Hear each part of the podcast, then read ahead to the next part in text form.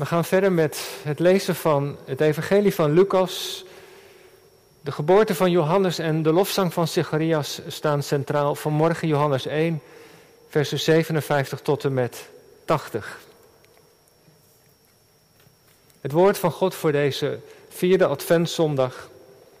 De tijd van Elisabeth werd vervuld dat zij baarden zou en zij baarde een zoon. Maar haar buren en familieleden hoorde dat de Heere haar grote barmhartigheid bewezen had en verheugde zich met haar.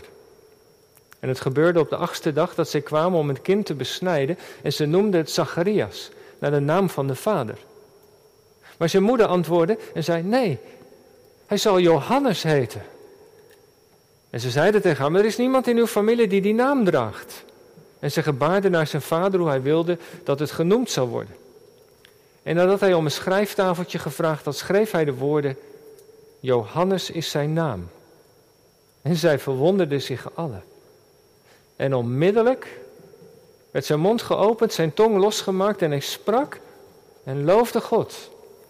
En er kwam vrees over alle die rondom hem woonden. En in heel het bergland van Judea werd er veel over deze dingen gesproken. En allen die het hoorden namen het ter hart en zeiden: Wat zal het toch van dit kind worden? Maar de hand van de Heere was met hem. En dan het vervolg van vers 64. Zacharias loofde God en Zacharias zijn vader werd vervuld van de Heilige Geest en hij profeteerde.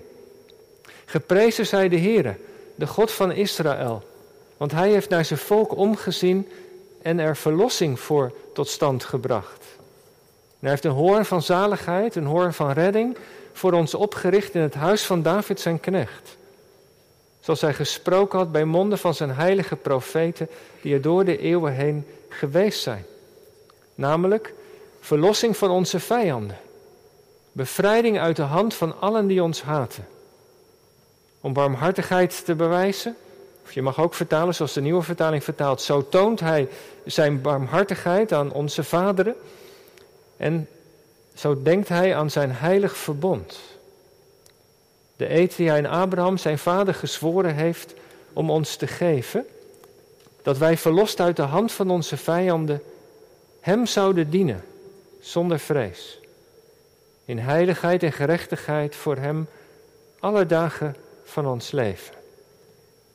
En jij kind, spreekt Zacharias dan tegen Johannes, jij kind zal een profeet van de Allerhoogste genoemd worden. Want je zult voor het aangezicht van de Heere uitgaan om zijn wegen gereed te maken.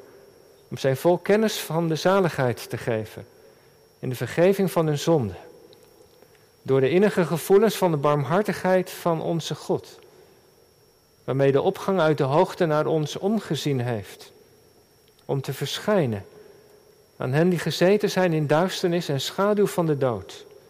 En om onze voeten te richten op de weg van de vrede. Dan het laatste vers. En het kind groeide op, Johannes dus, werd gesterkt in de geest en het verbleef in de woestijn tot de dag van zijn verschijning aan Israël. Heel wat jaren later. Tot zover de lezing van de woorden van God. En het thema voor de preek een profetie vol belofte. Ja, gemeente thuis met ons verbonden en u die hier ook in de kerk bent, de stewards en ouders en zo van kinderen, koor. Als in het Oude Oosten ergens een koning op bezoek ging, kwam er altijd een voorloper, een wegbereider. En die voorloper, die kondigde dan de komst van de koning aan. Zodat de mensen wisten, over een paar dagen komt de koning op bezoek. En hij inspecteerde ook de weg waarlangs de koning zou gaan. Als er heel erg veel kuilen waren, dan werden die gedicht. Als er heuvels waren, werden die opgeruimd. Als er plekken met heel veel vuil was, werd het schoongemaakt.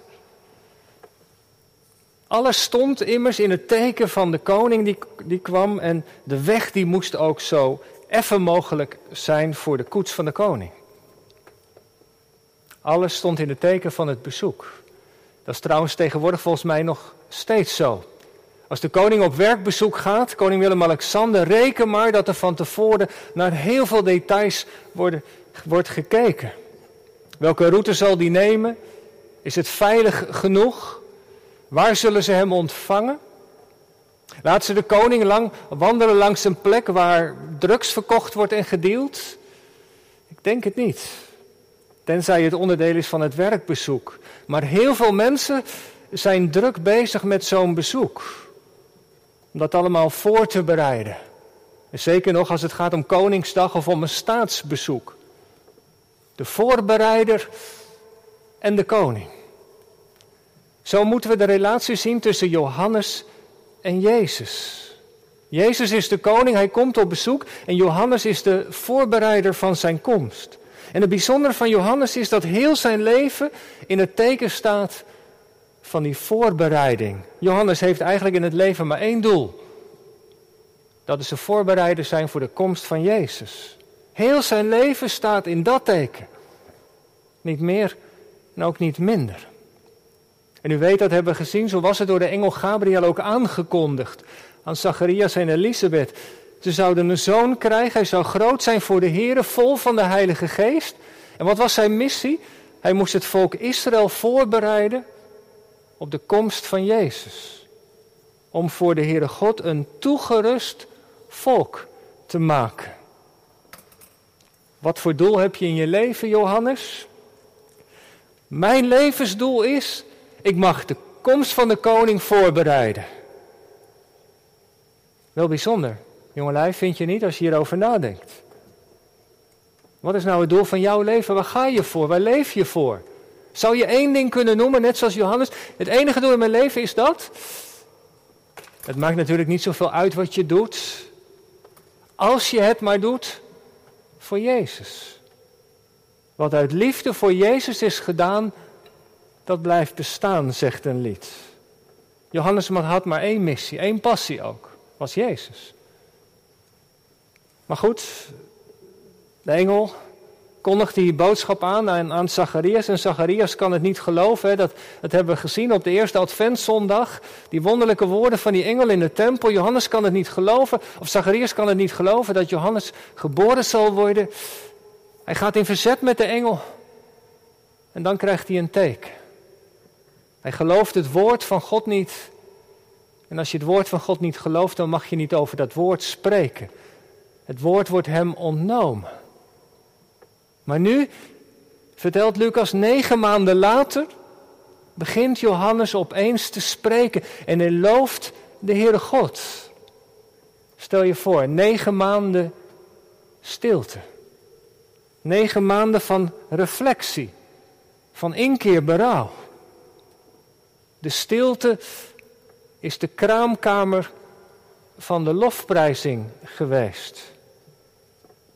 En dan gaat, Johannes dan gaat Zacharias God prijzen. En let u even op, het Bijbelgedeelte, wanneer gebeurt dat dan precies?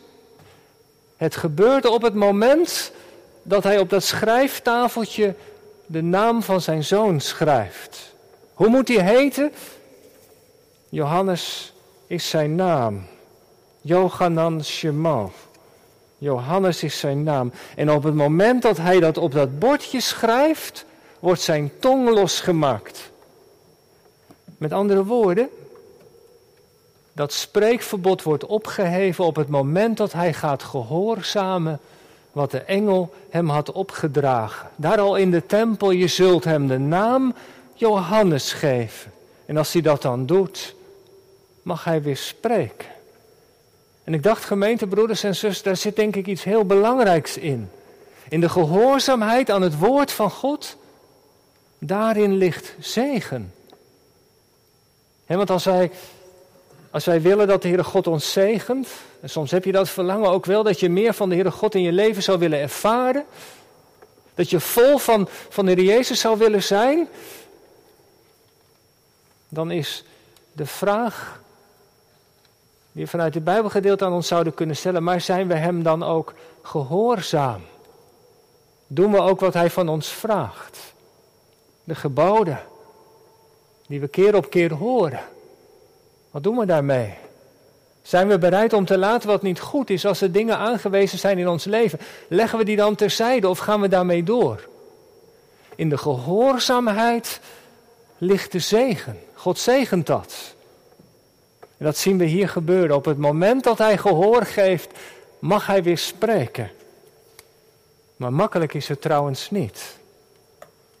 Makkelijk is het niet. Lucas laat het ook zomaar even zien.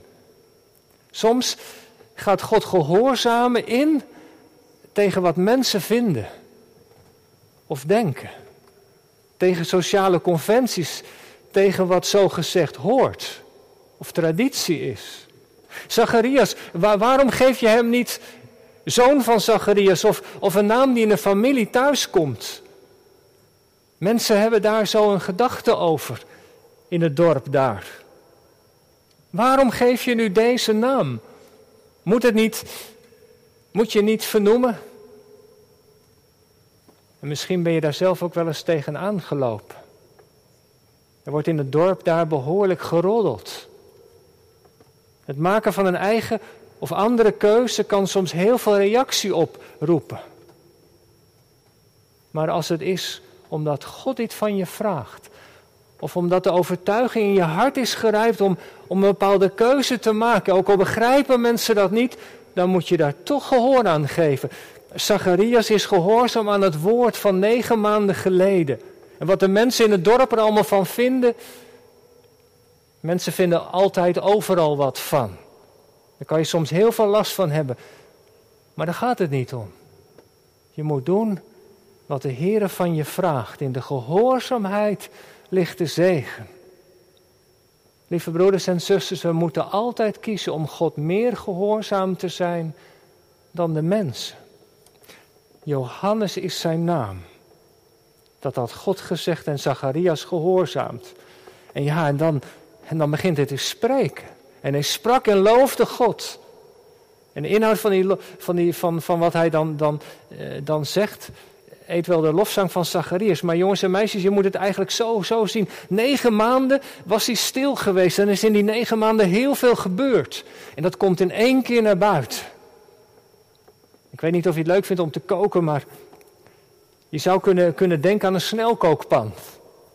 Je zet je op, op het stel, op de, op de plaat of op het gas. En die zit goed afgesloten en de druk neemt erin toe. En dan is het eten of het vlees wat je erin doet snel gaar. Maar op een gegeven moment gaat het sissen. Dan komt de stoom naar buiten en is er zoveel druk van binnen. Dat heb je ook nog met zo'n ouderwetse fluitketel die je op het vuur zet. Als dan op een gegeven moment de druk groot is, dan gaat de stoom naar buiten en dan begint hij te fluiten. Nou, zoiets. Johannes is zo vol van binnen. Hij heeft zoveel dingen overdacht. En dat komt er dan in één keer naar buiten. De geest legt hem de woorden in de mond. En dan het lied. Dan gaat hij zingen. En de lofzang van Zacharias, we vinden dat in de versen 67 en verder, kennen we ook wel als het Benedictus. Net als de lofzang van Maria wordt het in ja, de kloosters gezongen, in het getijdengebed, in de laude, met name in het ochtendgebed, komt de lofzang van Zacharias eigenlijk altijd voor. Het Benedictus. naar de Latijnse vertaling Benedictus Deus Israël. Geprezen zij de God van Israël. En ik wil daar even bij stilstaan bij dat lied van morgen. Als je Bijbel hebt, kijk maar mee. Het bestaat eigenlijk uit twee delen. Vers 68, geprezen zij God. Dan gaat Johan, dan gaat Zacharias allerlei dingen zeggen over de Heere God. En als je die versen bekijkt, de versen 68 tot 75, in het Grieks één lange zin. Hij is zo vol dat hij één lange zin uitspreekt. En als je kijkt, waar ligt de focus op? Op God. Hij heeft omgezien. Hij heeft verlossing gebracht. Hij heeft een horen van heil opgericht. In die negen maanden is dat voor Zacharias duidelijk geworden. Het gaat niet om mij en mijn verzet, maar het gaat om de Heere God. En daar ligt de focus op. En hij, bespreekt allerlei dingen, hij ziet allerlei dingen in een voltooid tegenwoordige tijd. Perfectum propheticum heet dat eh, technisch. Het gaat over de toekomst. Maar hij beschrijft alsof het al is gebeurd. Hij ziet in dit lied al wat God gaat doen. Dat is het eerste deel. En dan het tweede, vers 76, dan spreekt hij zijn eigen zoon Johannes toe. En jij, mijn kind, dan gaat hij allerlei dingen over Johannes zeggen. De lofzang van Zacharias is een bekend lied al in de geschiedenis van de kerk. Maar wat maakt dit lied nou zo bijzonder, gemeente? Nou, ik denk dit. Dat Lucas daarvan zegt dat het profetie is. Vers 67. En Zacharias, zijn vader, werd vervuld van de Heilige Geest en hij profeteerde. Die lofzang van Zacharias is dus een profetie van God. Niet zomaar een lied wat, wat opborrelt uit zijn hart. De lofzang is profetie. En wat betekent dat dan? Nou, dat de Heilige Geest iets onthult aan, aan Zacharias vanuit het hart van God. Iets vanuit de diepte van het hart van God wordt via de stem van Zacharias komt naar buiten, daar wordt woorden aan gegeven. En kijk, zo, zo ging het ook, gemeente in het Oude Testament. Er gebeurden daar allerlei dingen. Er kwam een hongersnood. Een koning werd afgezet. Er vielen vreemde volken het land Israël binnen.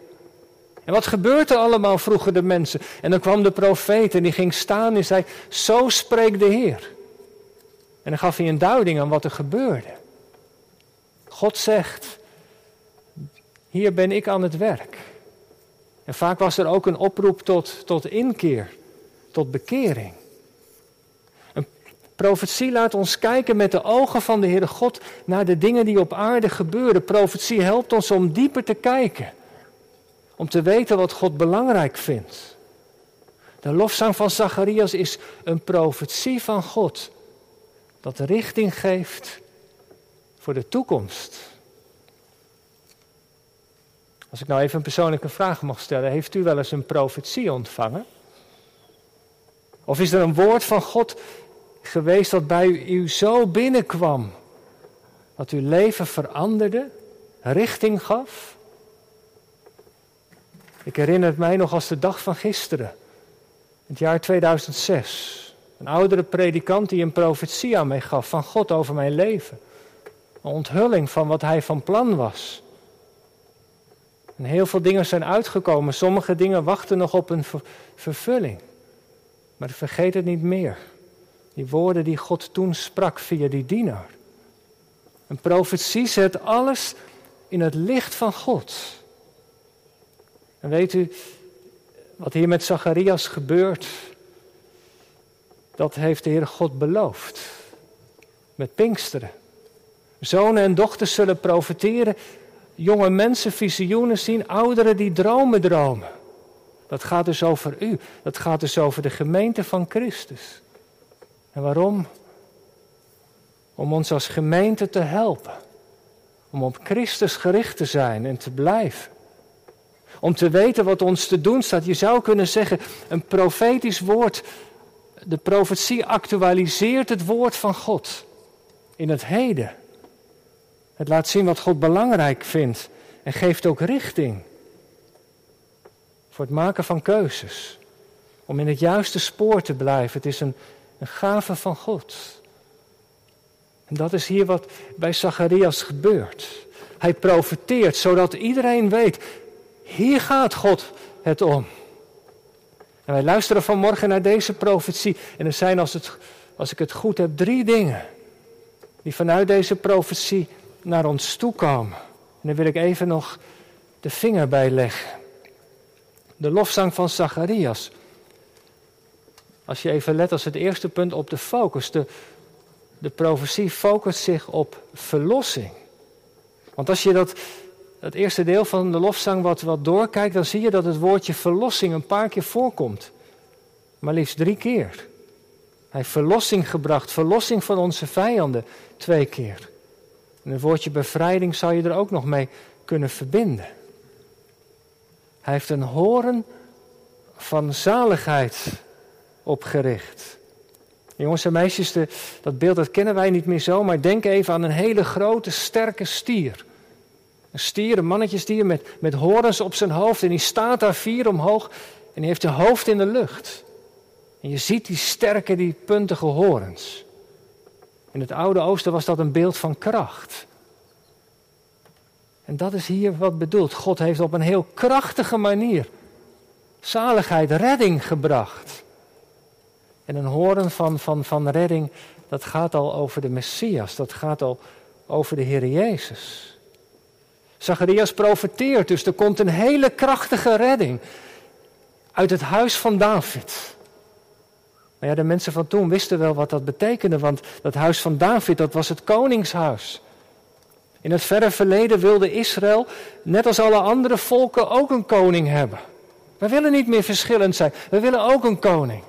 Dus zei God, nou goed, dan mogen jullie een koning kiezen. En ze kozen Saul. Maar dat was geen goede keus. Toen God koos, koos hij David. Hij was de man naar Gods hart. Geen perfect mens, maar wel een mens met een ootmoedig hart. Een open hart voor God. En dat is de lijn van de Messias geworden. God belooft, zegt Zacharias, een Messias in de lijn van het geslacht van David, een man naar Gods hart. En wat eeuwenlang was beloofd. Al in het paradijs. Het duurt niet zo lang meer. Zacharias kijkt naar voren en die gaat komen. En die brengt ons verlossing. Wij hebben verlossing nodig. Als ik dat nou aan, u of jou zou vragen vanmorgen, waar zou jij nou, waar zou u nou verlost van willen worden? Ik denk als we daar even tijd aan zouden geven, dat we dan best heel wat dingen zouden kunnen noemen. Natuurlijk allereerst dat Omicron-virus. Vijfde golf, daar zijn we zo klaar mee, toch? Daar zou ik wel van verlost willen worden. Gewoon weer een volle kerk. Maar we denken ook wel aan de zorgen die we hebben en de problemen in ons leven, de dingen waarmee we worstelen. Al die concrete dingen die je van de ene op de andere dag meeneemt. Waar denkt Israël aan? Israël denkt aan de verlossing van hun vijanden. Dat zit zo diep in het hart van Israël. Zo'n rode draad in het Oude Testament. Dat er ooit een dag zal komen dat wij in het land kunnen leven verlost van onze vijanden. Misschien heeft Zacharias ook wel aan de Romeinen gedacht, van al die andere vijanden. En het trof me weer, daar moest ik aan denken, dat het bij Israël nog steeds heel sterk leeft. Het Israëlische volkslied zegt dat ook. Wij hebben de hoop niet verloren. De hoop die al 2000 jaar leeft om een vrij volk te zijn in ons land. Die verlossing had God beloofd. Maar weet u, wat zo vaak wordt vergeten, dat er nog iets bij hoort. Je wordt ergens van verlost, maar je wordt ook ergens voor verlost. Als God ons, ons, ons van corona zou verlossen, wat is dan het vervolg? Dat het weer wordt zoals het vroeger wordt? Als God je verlost van je zorgen, wat verandert er dan in je leven? Je wordt ergens van verlost, maar ook ergens voor verlost. En dat zegt de profetie ook heel duidelijk, vers 74. Wat is het doel van de verlossing? Nou, dan lezen we zulke mooie woorden. Dat wij verlost Hem zouden dienen, zonder vrees. In heiligheid en gerechtigheid, dat wil zeggen helemaal toegewijd en oprecht alle dagen van ons leven. Die verlossing heeft dus een doel. Dat je verlost bent van alles wat je bezwaart. Om de Heer te dienen, dat er nieuwe toewijding komt in je leven. Dat geloven niet, niet alleen maar iets is van deze dag van zondag, maar van alle dagen van de week. En ook als je vrienden hebt die niet geloven, dat je toch de moed vindt om in het spoor van de Jezus te gaan, dat je op Hem gefocust blijft. Je wordt ergens van verlost, maar ook ergens voor verlost. Maar dat wisten we toch al wel? Hebben we daar nou een profetie van, van, van, van de Heer voor nodig om dat te weten? Nou, wat zegt Zacharias? Hij zegt dat die verlossing het werk is van de Heer zelf. Hij heeft dit voor ons gedaan. En waarom? Omdat Hij barmhartig is.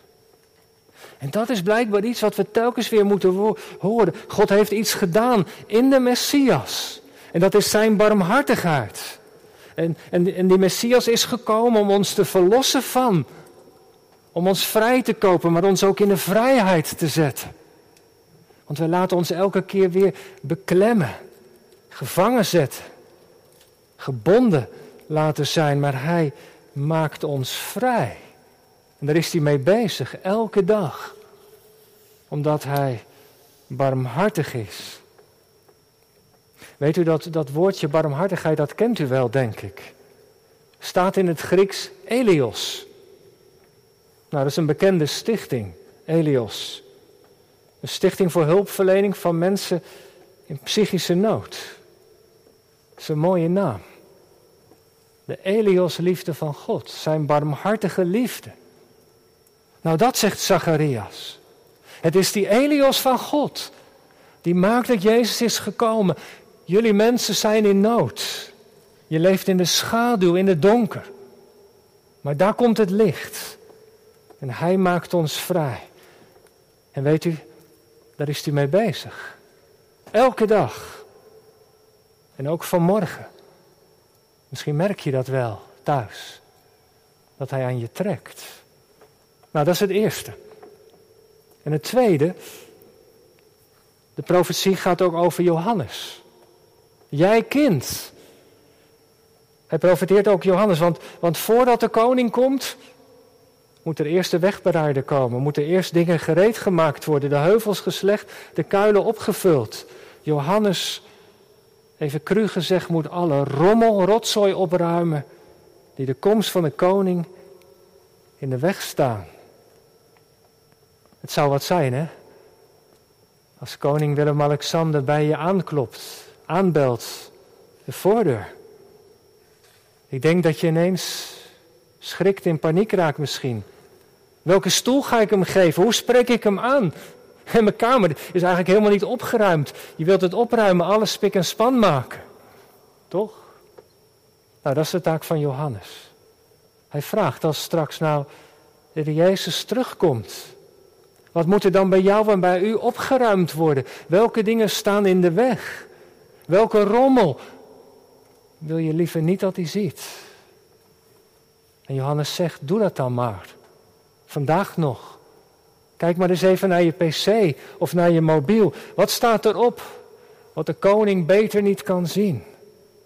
Welke beelden heb je steeds in je hoofd? Welke blikken heb je steeds last van? Welke woorden heb je gesproken? Welk mailtje heb je gestuurd dat je beter niet had kunnen sturen? Doe het vandaag, zegt Johannes, ruim het op. En weet u, zo belangrijk. Opruiming houden. Ik moest denken, een regenachtige dag op de snelweg, een beetje een kleine weg, wat modderig, kwam een vrachtwagen opeens langs en ineens was de hele vooruit vol met modder. Dan ben je blij dat je nou ruitenwissers hebt maar ruitenvloeistof. Maar je schrikt wel even als het in één keer helemaal donker is. Moet je dat gauw weer eh, schoonmaken. Maar dat beeld. Of je hebt een tuin, een wilderige tuin, er staat een grote boom. Op zonnige dag zit je in de schaduw, die de boom moet gesnoeid worden. Zodat het licht weer kan vallen op die plek waar je graag wil zitten. Nou, dat is de boodschap van Johannes. Lieve mensen, ruim dingen in je leven op. De koning komt eraan. Bekeer je. Doe die dingen weg zodat zijn licht in je leven kan vallen. De profetie was ook dus een aansporing om dingen op te ruimen. En ik ga eindigen het laatste. Er zit een heel mooi beeld in de, in de lofzang van Zacharias. Vers 78 de opgang uit de hoogte. De Anatole, dat is een beeld van de opgaande zon. Johannes, zo vol van de geest, die profeteert en die ziet een zon opgaan. En die klimt steeds hoger. En die zon, ja, dat is de Heer Jezus. En die zon, als een zon opkomt, dan zie je steeds meer stralen. En zo was het, zegt hij al in het Oude Testament, hebben we bepaalde stralen van, van deze zon gezien.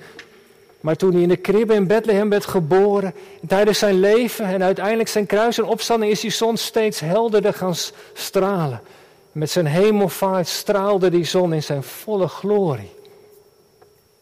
Het gaat over de Heer Jezus, wiens geboorte we met kerst hopen te vieren. In het woord, over hem schijnt hij. In de prediking, als zijn heil en werk wordt verkondigd, dan, dan straalt zijn licht naar ons toe. En weet u, dat is zo krachtig. Want de zon die kun je niet tegenhouden. Zo is het bij de Jezus ook niet. Hij is het licht van de wereld. En zijn licht is gaan schijnen in het donker. Leest in vers 79 over mensen die zitten in duisternis en schaduw van de dood. Maar ja, de dood is straf op de zonde. Met de dood komt ziekte mee. En angst en moedeloosheid en uitzichtloosheid. Mensen zitten in het donker. Is er hoop? Is er een perspectief? Ja, zegt joh, Zacharias, ik zie een licht. Dat is opgegaan en dat niet meer dooft. Warm je maar in zijn stralen. Nodig Jezus uit in je leven. Geef je verzet op en er gaat een licht in je leven op dat nooit meer dooft. weet je wat ik zo mooi vind? Aan het slot van deze profetie. Mensen zitten in het donker. Nou ja, misschien zijn het je buren of collega's wel. Of heb je er zelf ook wel last van. En dan staat er vers 79. Om onze voeten te richten op de weg van de vrede. Eigenlijk eindigt deze, deze lofzang, deze profetie heel missionair. Mensen zitten vandaag in het donker, maar onze voeten worden opgericht, zegt Zacharias. Dat gaat over alle mensen die in Jezus geloven, die in het spoor van Hem gaan. Ze worden de wereld ingezonden om lichtdragers te zijn. Hij richt ons op en zet ons in beweging. Straks als deze dienst ten einde is, gaat onze dienst in de wereld weer, weer verder. Hij richt ons op en zet op in, ons in beweging. Naar wie?